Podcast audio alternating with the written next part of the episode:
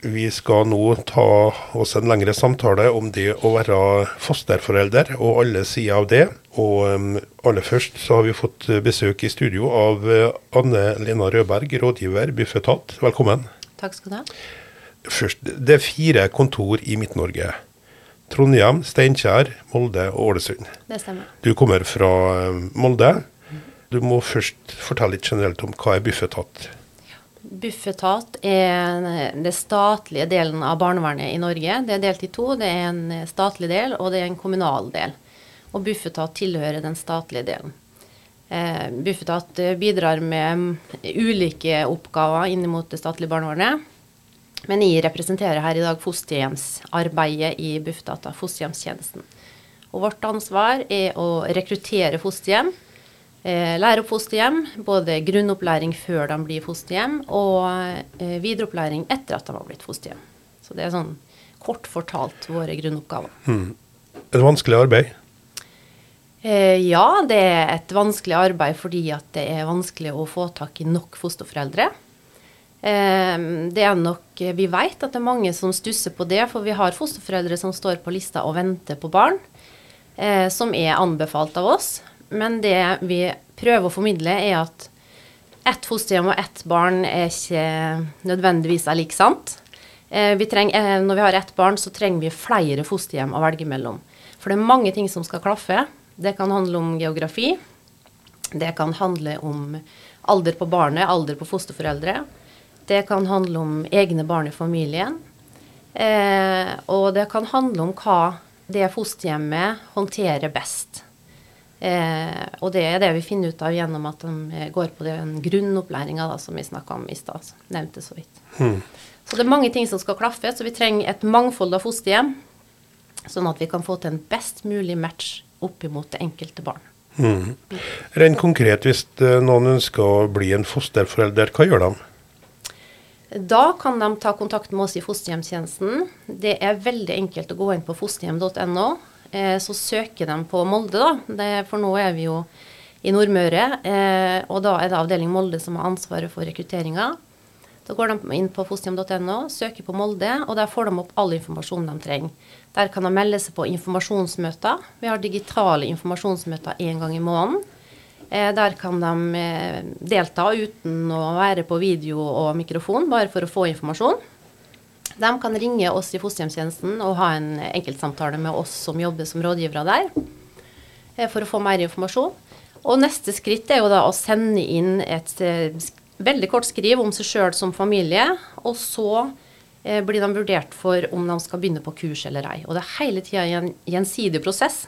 Familien skal finne ut om kan vi og vil vi i første omgang begynne på kurs. Og så skal vi som rådgivere finne ut om ja, kan den familien her begynne på kurs? Fylle de grunnleggende kriterier for å kunne begynne. Hmm. Mm. Er det kun familier som kan søke om å bli fosterforeldre?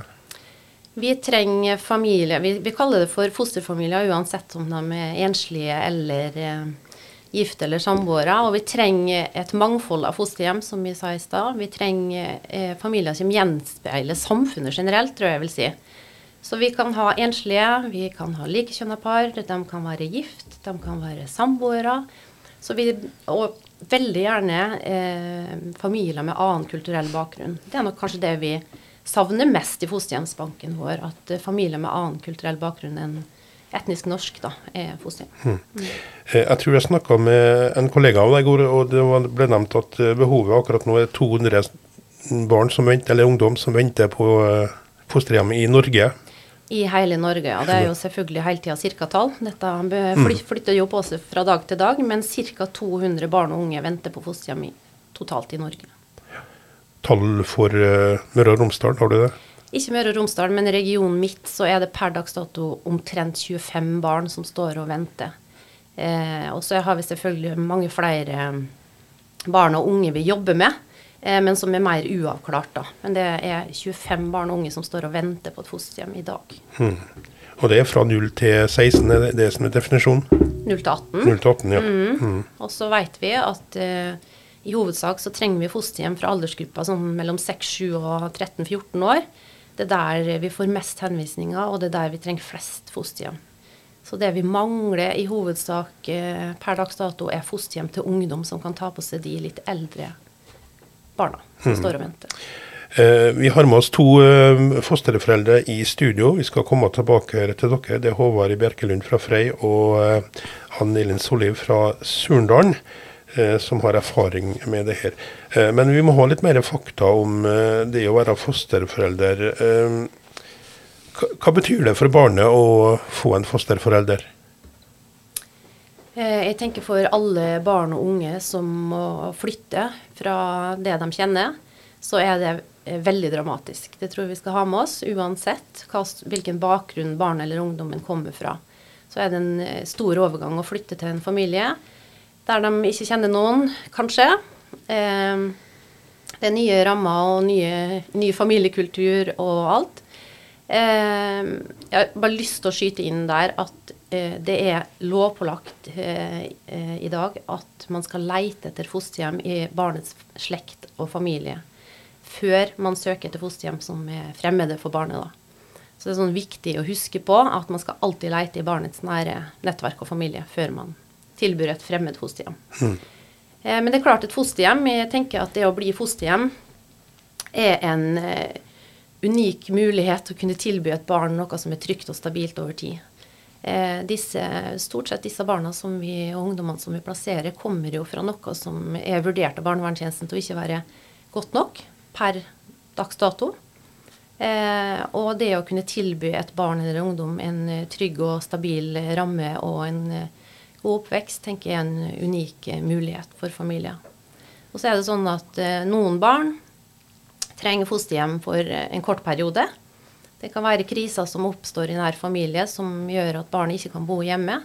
Det kan være sykehusinnleggelser eller behandling som foreldre må i. Og så trenger vi fosterhjem til barn som skal vokse opp der. Så det er to litt ulike måter å være fosterhjem på.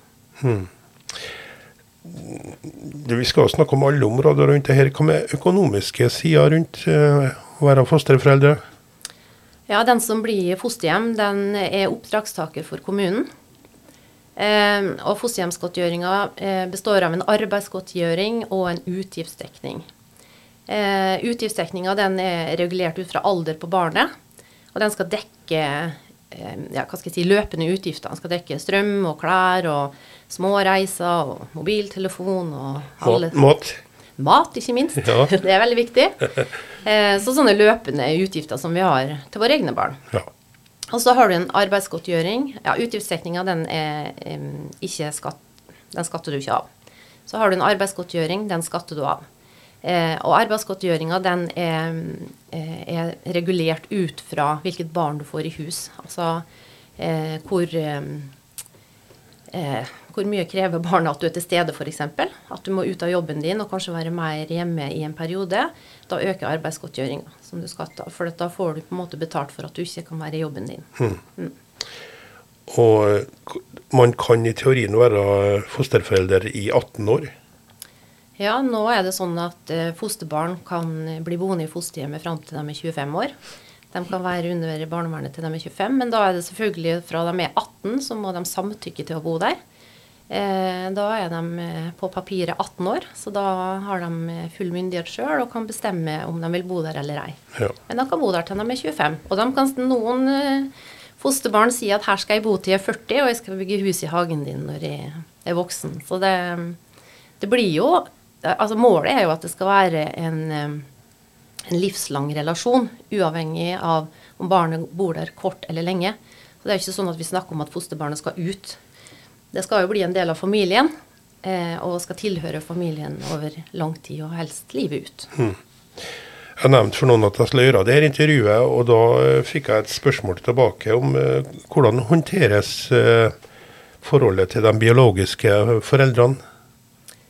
Det er et stort tema, eh, og det, er ikke kanskje Håvard som akkurat har gått på kurs kan si noe om òg, for jeg tror mange blir overraska når de kommer på den grunnopplæringa hvor mye fokus vi faktisk har på hvor viktig den jobben er. Eh, for vi vet at barn som eh, flytter, har behov for en rød tråd i livet sitt. Eh, uansett hva de har opplevd og hva de kommer fra, så har alle behov for en rød tråd. Det handler om identitet. Og fosterforeldre er nødt til å bidra til at den røde tråden blir der. Og det er ulik grad av eh, samvær og hvor mye kontakt det skal være. Men jeg tenker at det å jobbe eh, med biologisk familie eller opphavsfamilien er ekstremt viktig. Og det er, jeg tør nesten påstå at den viktigste oppgaven fosterforeldre får når de får et barn i hus, det er å jobbe med den relasjonen eh, for at uh, ungen skal bli trygg på sin egen identitet når den blir eldre. Hmm. Det er jo selvfølgelig utrolig klapp, eh, komplekst alt det her, men eh, vi skal prøve å komme litt eh, kjapt tilbake til det. Eh, ja, Håvard Bjerkelund, velkommen. Takk skal du ha. Du har vært fosterforelder. Ja, stemmer. Aller først, hvorfor ble du fosterforelder? Eh, nei, det har eh, Samboeren min hun har jobba i barnevernet i mange år. Så hun har jo sett et eh, behov som har vært der eh, lenge. Og så spurte hun om det var noe jeg kunne tenke meg involvert, vært med og involvert familien i. Uh, og det var jo interessant, selvfølgelig. For at, uh, det er jo mange, veldig mange barn som har det behovet og trenger en trygg plass å være. Og vi ser på familien også som et trygt sted for ungene våre, og det tenker jeg vi hadde plass til flere. Og så begynte vi å prate litt med, med barna. Og den forventninga vi hadde til egne barn, den eh, ble jo overgått mange ganger i forhold til hva vi så for oss. Så da ble det at vi ble fosterforeldre, egentlig ganske kort fortalt. Mm. Hvor lang tid så, var de fosterforeldre? Vi var, da var det en sånn midlertidig sak, egentlig. Så at vi var um, sju-åtte måneder var vel den, eh, den, perioden der. Men vi har kontakt med, med vedkommende enda den dag i dag. Så det er jo en prosess som har vært mye lenger enn det. Ja du vil anbefale folk som føler seg egnet til det, om å gjøre det samme som dere? Ja, så tror jeg flere folk enn dem som tror er egnet til det. Eh, jeg har følt meg litt lite Egentlig ikke i stand til det, på en måte. For jeg har følt at jeg hadde nok med egne barn, og sånn, men så ser en at eh, når en går på kurset, annet, pride-kurs, så er egentlig for min del all den tvilen jeg hadde om at jeg var i stand til å håndtere alle typer situasjoner, den er bort totalt. Ja, Ett barn til spilte ingen rolle? Nei, det gjorde ikke det. Og, og, så så ungene de vokste med oppgaven. Du så at um, selv de minste, så, så, var egentlig de veldig De var litt uh, voksne i oppførselen sin med å, å, kunne ta omsorg om andre unger. Hmm. Um, Annelin Solli, mm. Surndalen, velkommen til deg også. Um, din historie er litt uh, mer spesiell. da. Du har vært fosterbarn sjøl. Ja. Hva vil du fortelle om det? Jo, um, jeg har jo vært uh, barnevernsbarn nesten hele livet. Mm. Uh, og, så for min del så starta det ganske tidlig, at barnevernet kom inn i bildet. da. Men uh, jeg bodde en liten stund med biologisk far da min mor reiste. For hun reiste fra meg da når jeg var lita, så jeg ble boende med far ei stund. Og så, eh, ja, så ble det jo litt uh, mye turbulent og litt Det fungerte ikke så bra. Så da kom nå barnevernet inn, og ja, så ble jeg akuttplassert da i min første uh, beredskapsfamilie når jeg var uh, mellom fem og seks år. Mm. Og nå er du nå er jeg snart 35. Ja. Er du en solskinnshistorie? Um, blir omtalt som løvetannbarn, ja. Mm. Det er um, Ja. For jeg har jo vært en litt sånn som så vi kaller for kasteball i systemet. Um, og, men det har gått bra. Um, jeg fikk jo, Da jeg var fylt 13 år, så kom jeg til en fosterfamilie som var ganske godt erfaren. Eh, for det var litt sånn spørsmål om, om det egentlig var mulig å plassere meg da i et fosterhjem. I og med at det har vært så mye brudd og ja, kan jeg si det med litt uh, smil at det var vel kanskje litt vanskelig å ha i hus, kan du si. jeg liker å si det litt slik, ja. Så, um, men da fikk jeg litt mer uh, ro. Uh, fikk, uh, for jeg har jo egentlig aldri bodd noen plasser mer enn ett, ett og et halvt år i gangen. Helt fram til jeg var 13. Så når jeg fikk litt mer ro og ja, stabilitet, kan en si, og litt romslighet, det liker jeg å si, så um, gikk det seg til. Så det var det jeg trengte. Ja. Og nå Du har også vært fosterforelder? Ja. Ikke akkurat nå, men du er ferdig med en periode, eller hva vi skal kalle det? Ja. ja. Så jeg øh, fant mannen min ganske tidlig. Ja. Og øh, vi øh, Etter vi fikk unger sjøl, øh, de var jo ganske unge, så tenkte vi at vi skulle bli bred, eller sånn avlastningsfamilie. Det var det vi tenkte. Så vi ringte inn til barnevernet og lurte på om det var mulig. Uh, og så meldte de oss på Pride-kurs. ja det skal vi, vi, vi, vi kan ta pridekurs nå. OK. Ja. ja. Hva er et pridekurs? Det, må ikke- det må ikke forveksles, Mhm. forveksles med pridekurs. Nei. Nei. um, men alle er velkommen, da. Jo, jo, jo. ja, uh, nei, Pridekurs er et opplæringssystem som er laga av eh, Bufetat. Eller barnevernssystem. kan korrigere i det. Ja, For det er noe med at uh, det, det navnet det assosierer alle noe annet med. Mhm. Men grunnen til at det heter pride, er fordi at det ble utvikla i USA på 90-tallet. Eh, så eh, navnet er amerikansk. Mm. Bare sånn at det er, er klargjort. Mm. Ja. Ja. Så er det, det er internasjonalt, så det er brukt i hele verden i ulike land. Da. Mm. Ja. Ja. Nei, det er et veldig fint system. For Ja. at vi Må alle som blir fosterfølger, eh, delta på et pridekurs? Det er et mål for oss i Bufetat at alle som ønsker å bli fosterhjem, skal gjennom det kurset. Og det handler om at det er en viktig beslutning for en familie å ta. Eh, det var som vi nevnte i stad, kan vi og vil vi bli fosterforeldre? Eh, og så skal vi som rådgivere og kursholdere eh, vurdere om vi kan anbefale den familien her å bli fosterhjem. Og det handler om eh, mange ting. Men det er en prosess som går over tre til fire måneder, der vi møtes på samlinger. Det er ulik eh, ja, forelesning, vi ser filmer, det er en del øving faktisk i forhold til det å sette seg inn i det å snu perspektivet. Hvordan er det å være eh, foreldre til barn som må flytte, f.eks.? Hvordan er det å være det barnet som må flytte? Eh, så det er ganske mange ting. Og så er vi på hjemmebesøk hos familien. Vi skal snakke med barna til dem som ønsker å bli fosterhjem. Vi har en egen familiesamling, så det er ganske omfattende. Så vi har noen som kommer på første helg, og så lurer de på hvorfor i alle dager må det her ta så lang tid. Vi er egentlig klare nå. Og så begynner vi å gå gjennom prosessen, og så sånn halvveis så sier de ja, nå skjønner jeg hvorfor det tar så lang tid. For jeg tror mange har en forventning om å komme på det kurset, og så skal de lære masse om disse barna og hvordan de skal håndtere dem. Men eh, jeg tror at eh, det kan dere svare på som har gått på kurs, men at kurset ender At man sitter igjen med og tenker at jeg lærte kanskje vel så mye om meg sjøl, og om min partner, og om min familie. Fordi at eh, målet med det kurset er sammen med familien å finne ut av hva er familiens styrker og sårbarheter. Og for å finne ut av det, så må vi bli kjent med ja, de voksnes i hvert fall egen historie. Hva de har med meg fra egen barndom? Som påvirker, påvirker meg som omsorgsperson i dag. Og en bevisstgjøring rundt det. Og da er vi tilbake til det med matchingen ikke sant? opp mot hvilket barn passer inn i vår familie. Og det er det vi bruker veldig lang tid på. Vi skal prøve å unngå å flytte de barna her eh, vilkårlig. Vi skal ha en god prosess. Vi skal kjenne familiene vi tilbyr, eh, godt. Det slo meg akkurat nå. Kan foreldre velge hvilket barn de skal ha? Kan de velge kjønn? Kan de velge alder? Hvis man blir kommunalt fosterhjem, ja, så er man med å styre veldig sjøl. Eh, I samarbeid med oss rådgivere. Da. Det er hele tida en prosess på hvilket barn ser dere for dere. Og dette svinger veldig gjennom en sånn kursperiode. For noen kan komme inn og tenke at nei, vi vil ha et lite barn.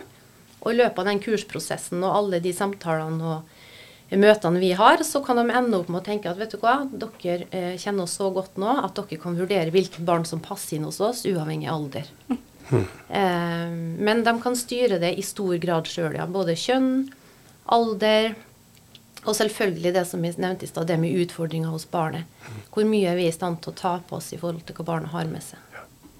Jeg bare spør nå, Anne Linda, men eh, det er en klar med et yngre barn.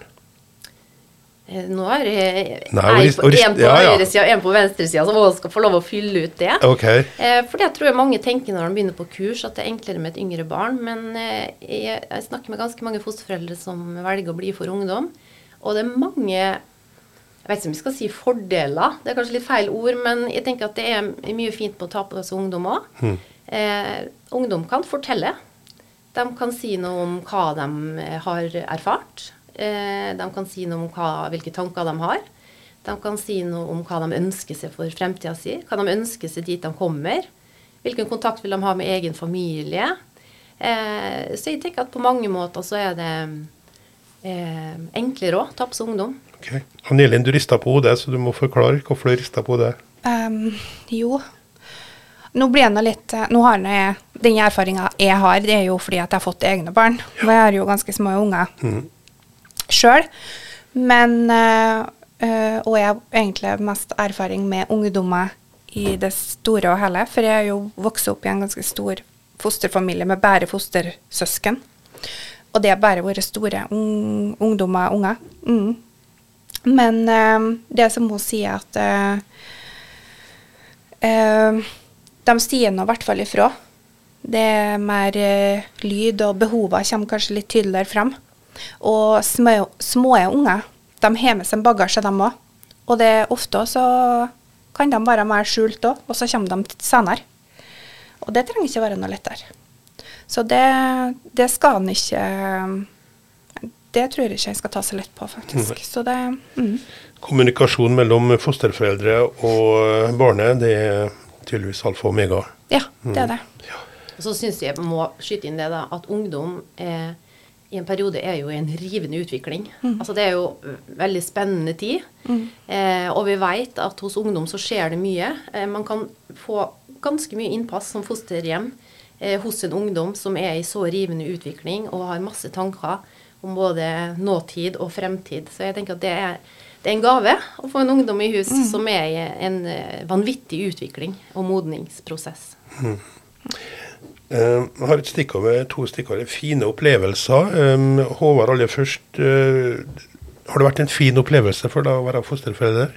Ja, det har uh, egentlig utelukkende vært det. det som var verst for min del, skulle si, var når barnet skulle hjem igjen og vi ikke hadde den omsorgen som vi, som vi hadde eh, i en god periode. Mm. Og det er bare etter sju-åtte måneder så, så, blir du tilknytta til det barnet.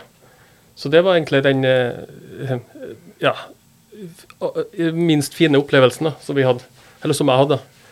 Men vi var jo klar over det likevel, men så, så blir jo savnet der. Da. Så du får et forhold til den ungen på en, på en lik linje med dine egne barn. Så, men eh, det gir kjølig mye, da. Det gir Eh, eksisterende unger, de du har fra før, de eh, får eh, et søsken til.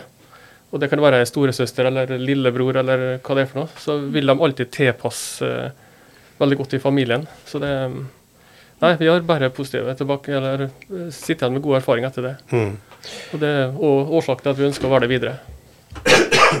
Så du kommer til å ta på deg en, et, dere kommer til å ta opp et nytt barn? Ja, ja, helt klart. Mm. Det er ikke tvil. Ja. Um, Annelina, det er kanskje ikke det man tenker på først, men fugl må jo forlate redet etter hvert. Så det er jo mye følelser i forbindelse med det, som han sa. Leif. Det er mye følelser i fosterhjemsarbeidet. Eh, på, på, vondt og godt. Eh, og det er òg noe som vi jobber mye med gjennom kurset. fordi at eh, de familiene som kommer på det kurset og har et ønske om et eget barn, blir ganske fort realitetsorientert, tør jeg påstå. For dette her er ikke ens eget barn. Det er noen, noens andre barn som vi bruker nesten å si du har til låns. Eh, du har mange andre du skal forholde deg til, og vi snakker om det tredelte foreldreskapet. Det er barnevernstjenesten som eh, du har oppdrag fra, eh, som er i den ene kanten. Og så er det fosterhjemmet i den andre, og så har du opprinnelsesfamilien i den tredje kanten. Så du har et samarbeid hele veien. Og det er ekstremt viktig at man som fosterforeldre hele veien er bevisst på den rollen man har. Eh, og som Håvard nevner, så er det ganske mange som eh, blir tilbakeført, altså skal hjem igjen. Og da er det vurdert at det er det beste for det barnet. Eh, og så er det jo et rettsapparat også, som er med å styre her, eh, som òg kan bestemme at barnet skal hjem igjen. Mm. Så det må man, idet man takker ja til å bli fosterforeldre, så må man tenke at man er i stand til å håndtere den sorgen det blir. Eh, og at det er andre òg som bestemmer. Eh, er, det noe, er det noe støtteapparat underveis for fosterforeldre som de kan henvende seg til, eller er det Bufetat? Nei, Bufetat er et støtteapparat i, i hovedsak i grunnopplæringa eh, og i videreopplæringskurs. Så vi kjenner jo familiene godt, men de skal forholde seg til den kommunen som plasserer barn hos dem. Hmm. Det er der de skal få støtte og hjelp. Og barnevernstjenesten er alltid ansvarlig for å støtte fosterhjemmet ut fra hvilke, ja, hvilke behov barnet har. da. Eller hvilke behov fosterhjemmet har. Eh, og sette inn tiltak deretter. Og så er det klart de skal ha tett kontakt med skole, barnehage. Det kan være barne- og ungdomspsykiatrien inne. Det er masse støttepersoner rundt her som skal bidra til at det barnet får det best mulig, altså får best mulig utvikling i fosterhjemmet. Mm. Så det er ganske mange rundt som kan være en, en god støtte. Bortsett fra sånn eh, pridesamlinger, da, Håvard og Elin. Eh, kommuniserer de med andre fosterforeldre? Er det Facebook-gruppe for dere, f.eks.? Um, jeg personlig var med en liten periode i ei gruppe, men uh, det var uh, lite som hadde store unger. Det var veldig mange som hadde små. Så jeg følte, uh, jeg følte meg sjøl um, at jeg hadde ikke så stort behov, eller ja. Det var litt vanskelig å, å Ja, jeg vet ikke hvordan jeg skal forklare det. Men jeg skulle ønske jeg hadde litt flere rundt meg som hadde større ungdommer, da. Mm. Man skal tilbys gruppeveiledning som fosterforeldre eh, første året etter at man har blitt fosterhjem. Og det handler om nettopp det Anne Elin snakker om nå. Det å høre til i ei gruppe der man kan snakke om det å være fosterhjem. For det, er, det, å være fosterhjem er ikke noe man lener seg over gjerdet til naboen og snakker om. For man, kan, man har taushetsplikt som fosterhjem, og man mm. skal forholde seg til det. Eh, så det er noe med å finne de rette arenaene der man kan dele opplevelser og erfaringer, og det skal være innenfor riktige rammer. Uh, vil du si, Håvard, at du hadde ingen negative Eller du nevnte den litt i sted, men uh, er, folk er bedre til å ta enn de tror sjøl? Ja, det tror jeg i hvert fall etter kurset der. Så, så tror jeg folk eh, forstår litt mer. Eh, jeg gjorde i hvert fall det som personlig. Og, og, så så jeg jo ungene. De hadde en forventning før kurset at uh, spesielt hun minste hun ville ha en lille Dine unger, ja. ja mine unger, ja. ja, ja. Når vi skulle ta det kurset, så fortalte vi jo ungene om det der. Og da, da kom det ønsker hvordan barna ville ha til seg. Og da var jeg sånn Jeg vil ha en lita søster osv. som er mm. mindre enn meg. Sånn. Det var litt sånn. Men så underveis i prosessen da, så endte jo den uh, lille ungen der med at uh, det hadde ikke noe å si at uh, ungen var litt større der. Og så, så, så det, det, er litt sånn prosess som vistes veldig godt med hva vi tenkte på forhånd.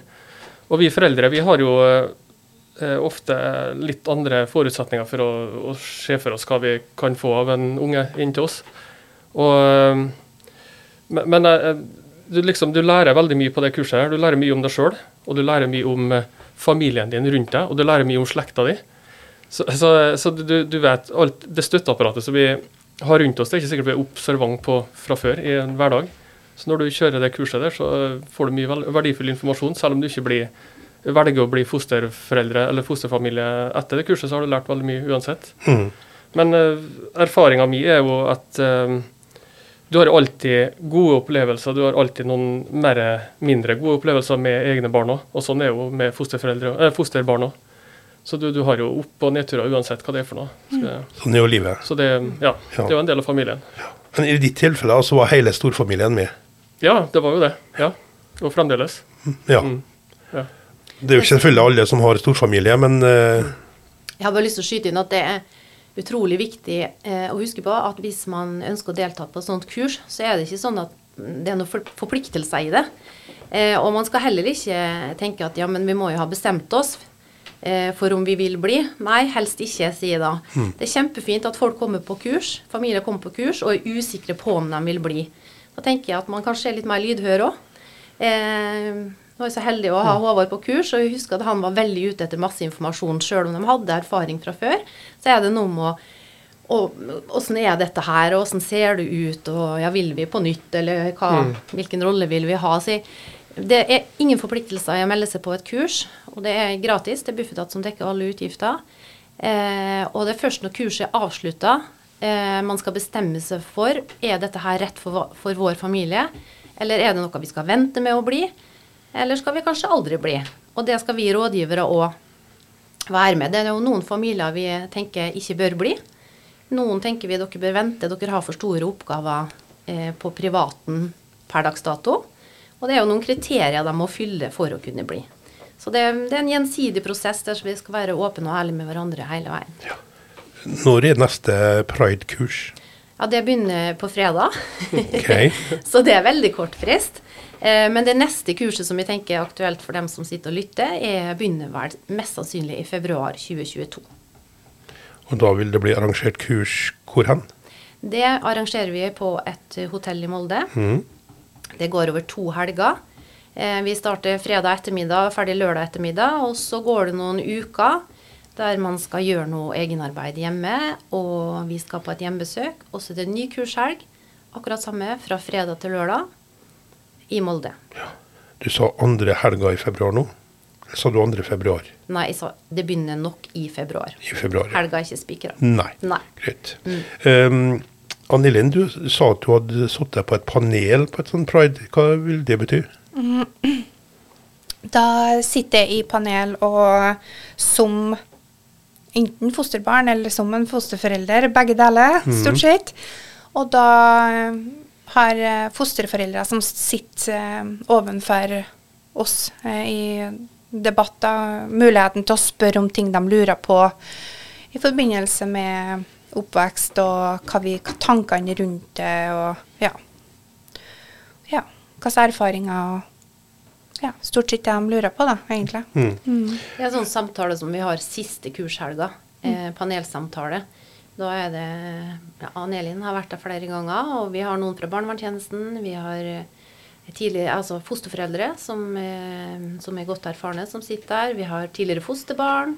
Vi har ja, en hel rekke. Og da har, som Anne Elin sier, altså dem som går på kurs og lurer på om de skal bli fosterhjem, har muligheten til å invitere med seg venner og nettverk og nær familie til å komme og sitte og være til stede under den panelsamtalen og stille de spørsmåla de lurer på. Ja. Eh, både Håvard og Anne Elin er jo unge mennesker. Eh, er det noen begrensning oppad? Nei, egentlig ikke. Ehm, jeg vet at i Ålesund så hadde de en, en godt voksen mann på 70 år.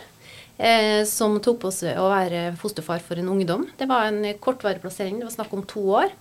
så jeg tenker at det, det blir en individuell vurdering. Men det er klart, er man 60 år og har lyst på et veldig lite barn, så sier vi at det er ikke aktuelt.